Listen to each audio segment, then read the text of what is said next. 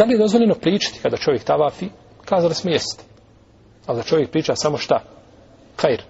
Znaš ako bi čovjek bio, ako ga neko nešto pita, od širijetskih propisa, često dok tavafite, čovjek te uzme za ruku, dok vidi da imaš bradu i odmah te pitaš širijetsko pitanje. Šta misliš o tome? Ja sam uradio tako, je li ispravno ovo, je li ispravno ono? Da mu odgovoriš, ne smeta.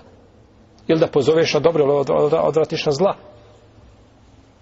poslanik je sasvim tavafio, kao kaže Ibn Abbas, i vidio čovjeka koji drugog zavezao ga konopcem i vodi ga.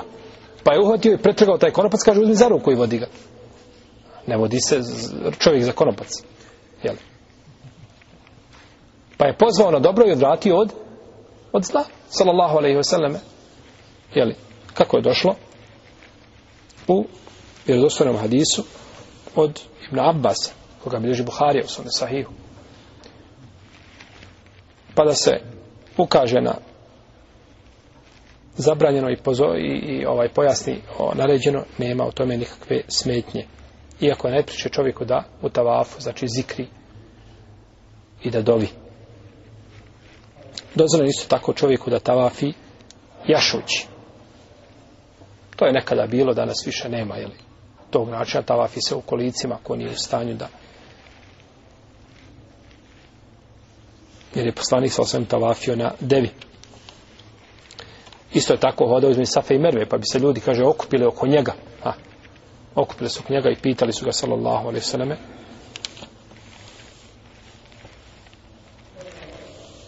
Neka olema kaže da treba ovaj imati šafijska olema i ima Mahmed kažu da može se stavafiti bez ikakvog razloga i da čovjek nema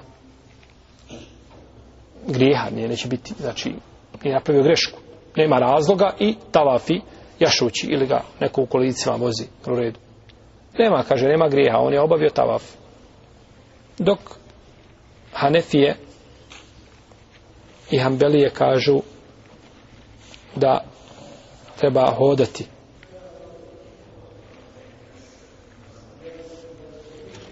A Malikije kažu mora ako je tava fađi.